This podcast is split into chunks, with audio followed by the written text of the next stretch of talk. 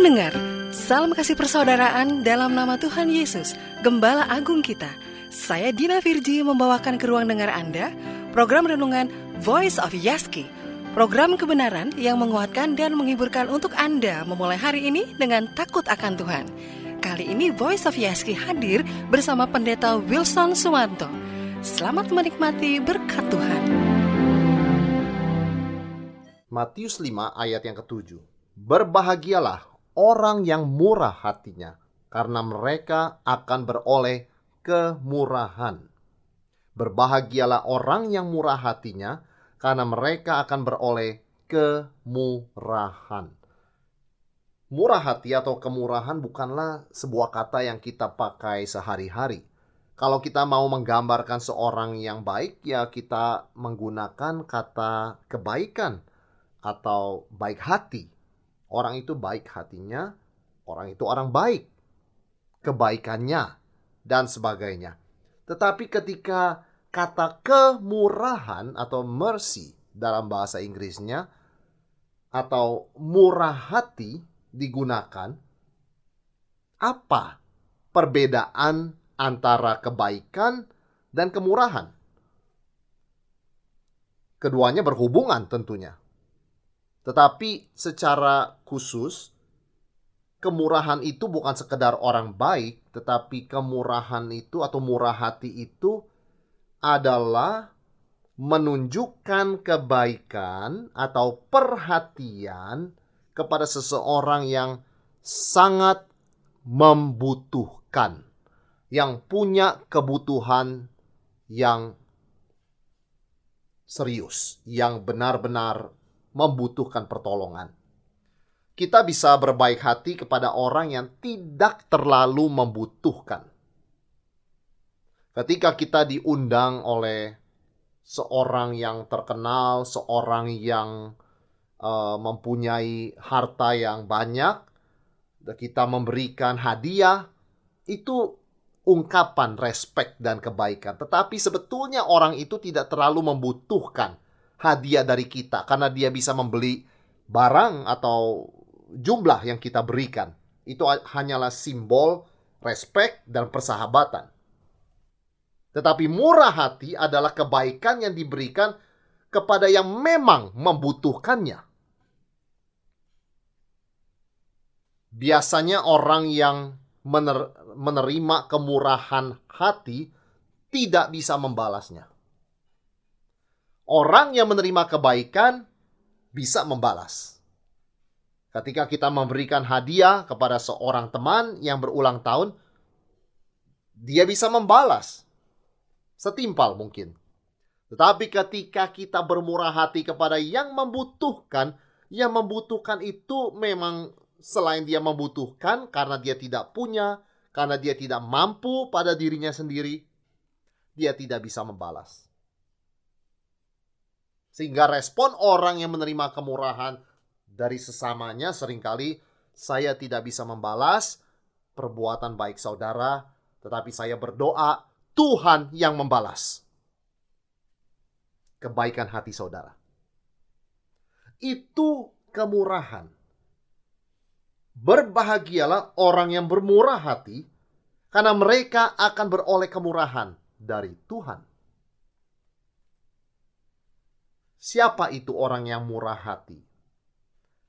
Murah hati tidak bisa dipisahkan dari ayat-ayat sebelumnya. Lapar dan haus akan kebenaran.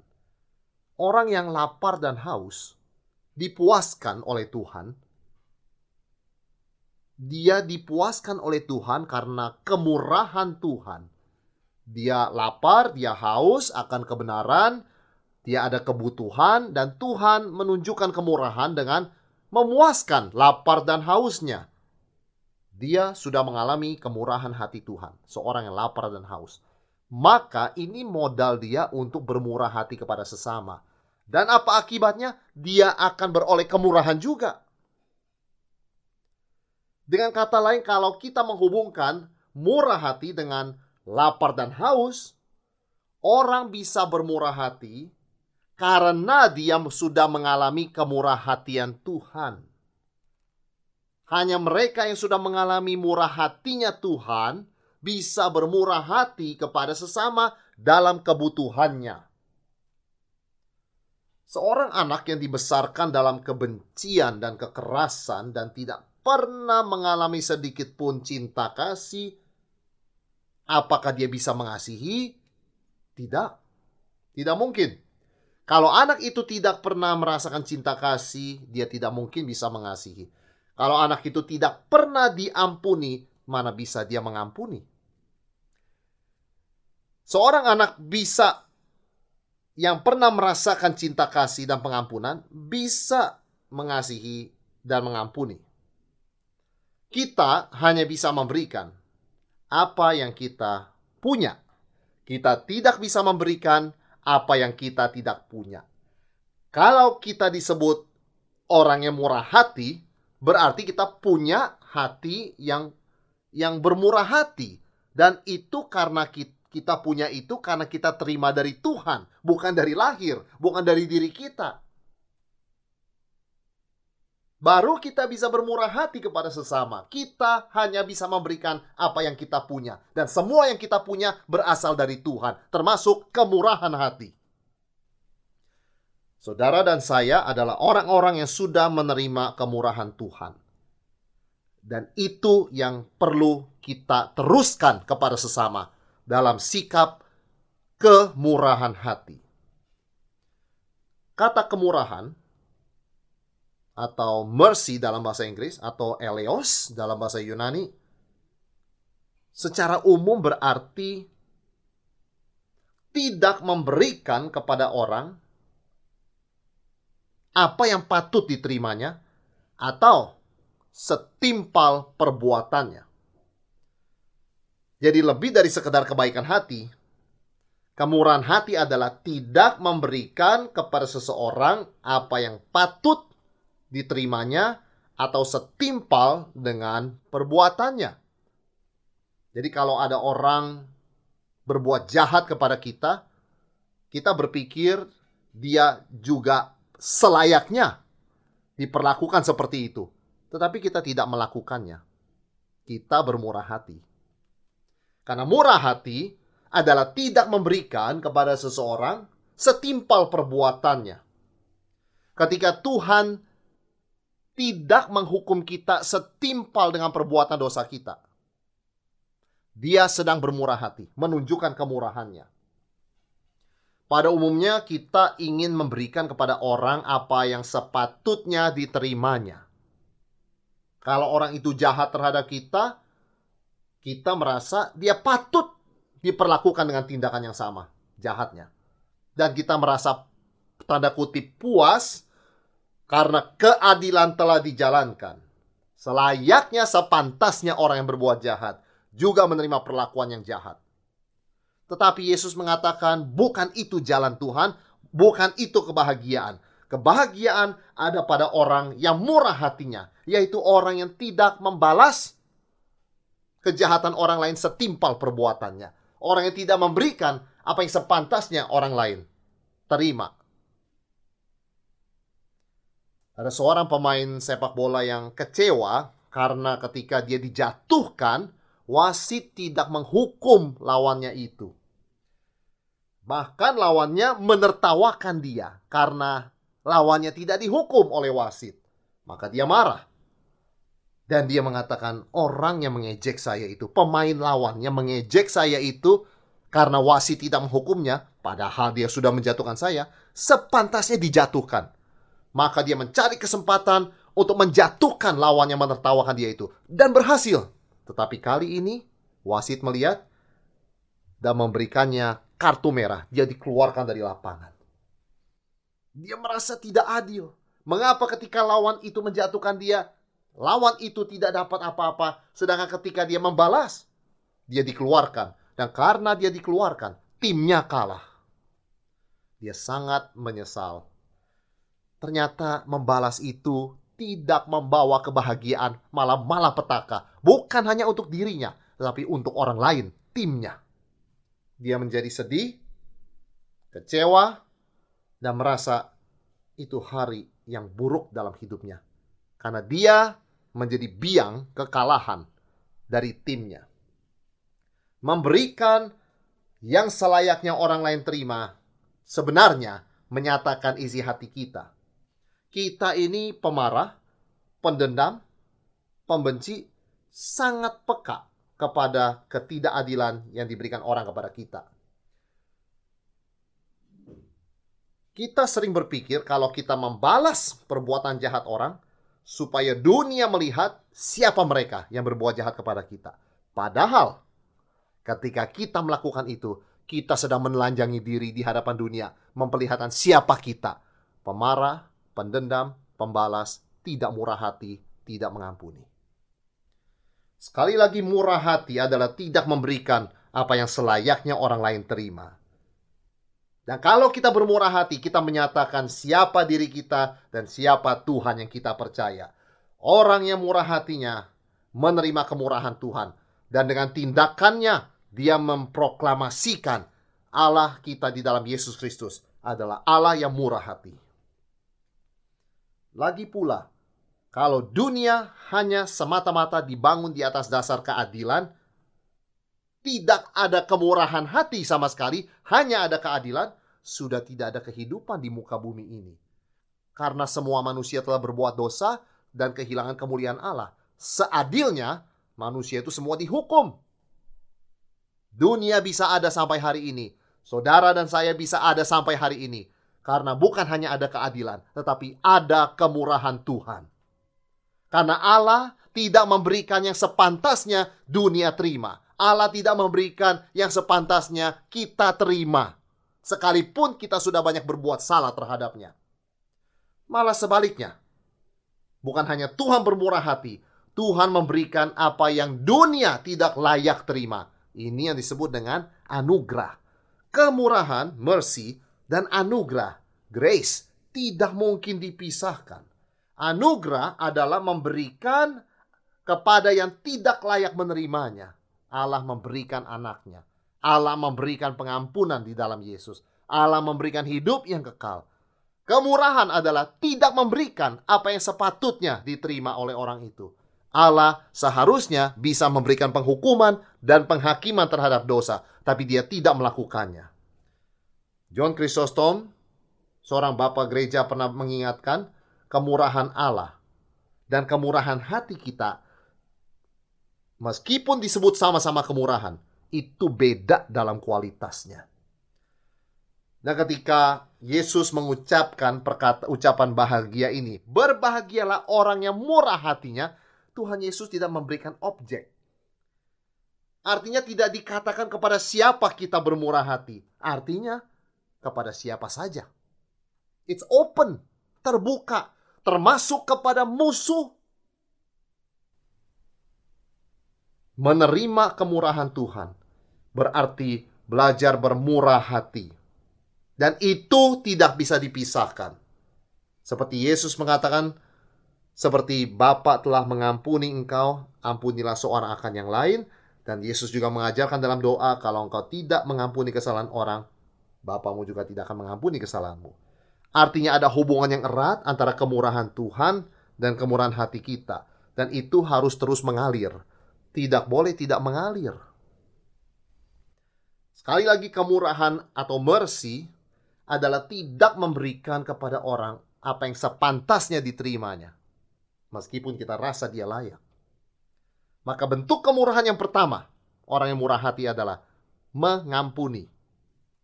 Mengampuni adalah wujud kemurahan hati yang paling jelas. Dan mengapa mengampuni adalah sesuatu hal yang sangat sulit bagi banyak orang.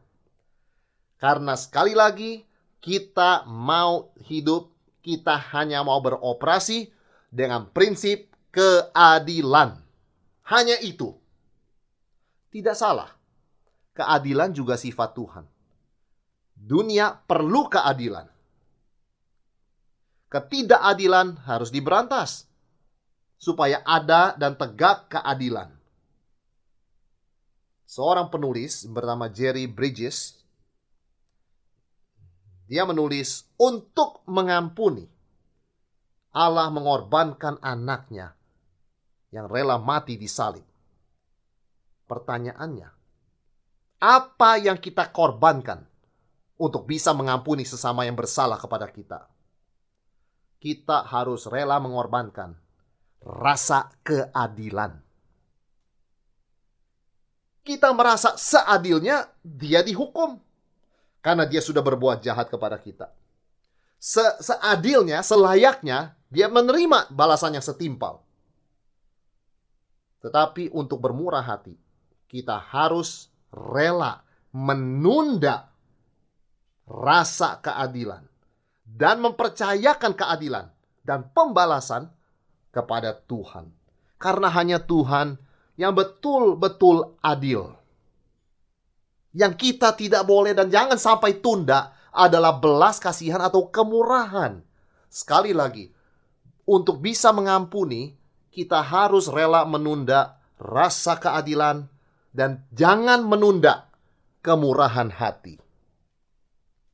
Karena pengampunan adalah wujud utama kemurahan hati. Di dalam perumpamaan tentang orang Samaria yang murah hati, ada kisah bagaimana seorang turun dari kota Yerusalem ke kota di lembah yang bernama Yeriko. Dia dirampok, dipukul hampir mati.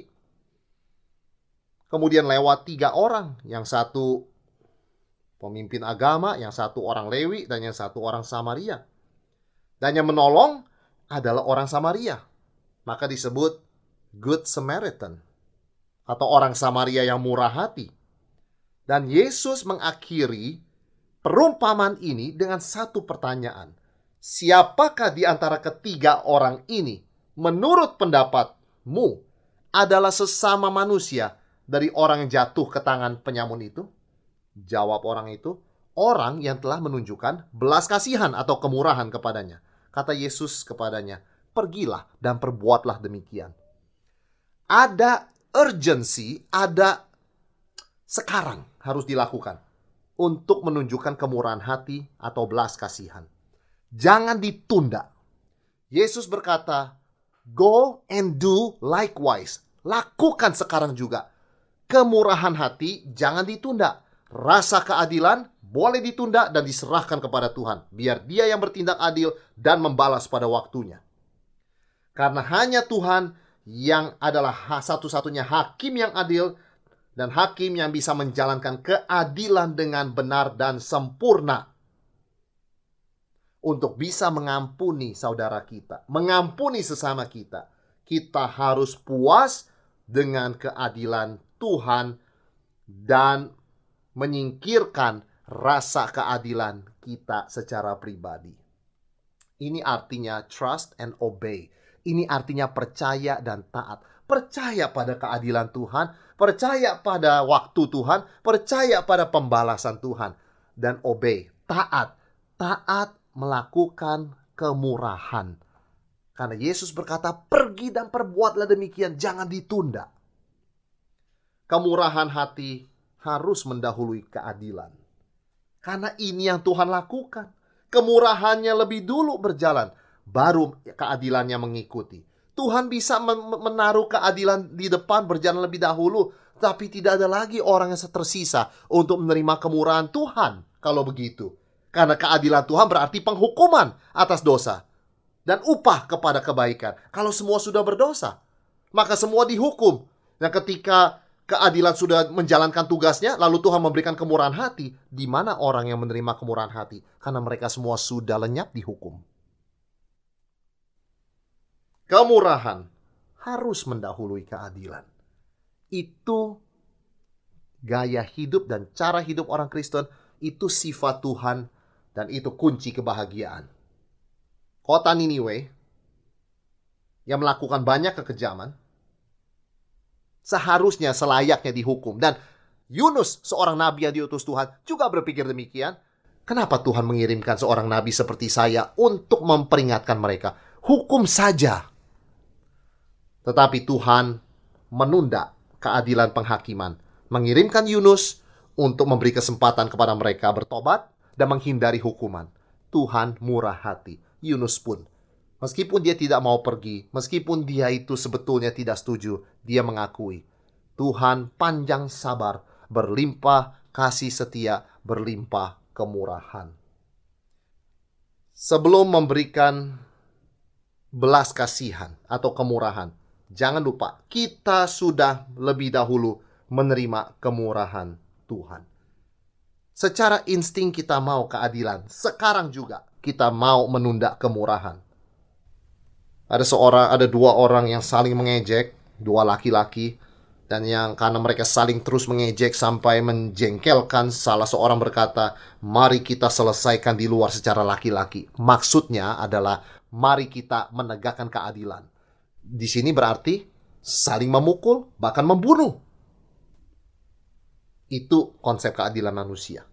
Tetapi Tuhan berbeda. Dari sorga dia menyatakan kemurahannya. Kemurahannya lebih dulu berjalan, keadilannya mengikuti dan kita bisa menikmati pengampunan dari Tuhan. Karena kemurahan Tuhan berjalan lebih dulu daripada keadilannya. Dan di dalam Kristus kita melihat belas kasihan kemurahan Allah yang memikul semua kesalahan kita, yang membayar hutang-hutang dosa kita dan tidak memberikan yang selayaknya kita terima. Yaitu hukuman, dia memikulnya bagi kita. Sebagai orang percaya, kita mempunyai Roh Kudus. Kita diberikan hati yang baru. Kita sudah dilahir barukan, dilahirkan kembali, sehingga kalau dulu kita mau keadilan, sekarang juga kemurahan nanti saja. Tetapi sebagai pengikut Kristus yang punya Roh Kudus, kita tahu apa yang Tuhan minta. Kemurahan sekarang juga, juga keadilan serahkan pada Tuhan. Ia membuat segala sesuatu indah pada waktunya. Karena Tuhan berkata dengan terus terang, pembalasan adalah hakku dan aku akan menjalankan hakku untuk membalas. Tetapi kalau musuhmu lapar, berilah dia makan. Kalau dia haus, berilah dia minum. Jangan kalah oleh kejahatan. Kalahkan kejahatan dengan kebaikan. Kemurahan hati sangat powerful karena itu adalah sifat Tuhan dan kita sudah menerima kemurahan Tuhan. Biarkan itu mengalir kepada orang lain dan percayakan segala keluh kesah penderitaan dan rasa kita diperlakukan tidak adil kepada Tuhan. Hakim yang adil akan bertindak pada waktunya. Sangat indah, sangat mulia. Pendengar, demikian tadi program Renungan Voice of Yaski. Program kebenaran yang menguatkan dan menghiburkan untuk Anda memulai hari ini dengan takut akan Tuhan. Bagi Anda yang membutuhkan informasi lebih lanjut mengenai kegiatan Yayasan Yaski, dapat menghubungi nomor telepon 021 594 94 223. Sekali lagi, 021 594 94 223. Atau bila Anda terberkati dengan program siaran ini, anda dapat berbagi kesaksian melalui email ke humas@yeski.co.id dengan subjek Voice of Yeski. Tuhan Yesus memberkati.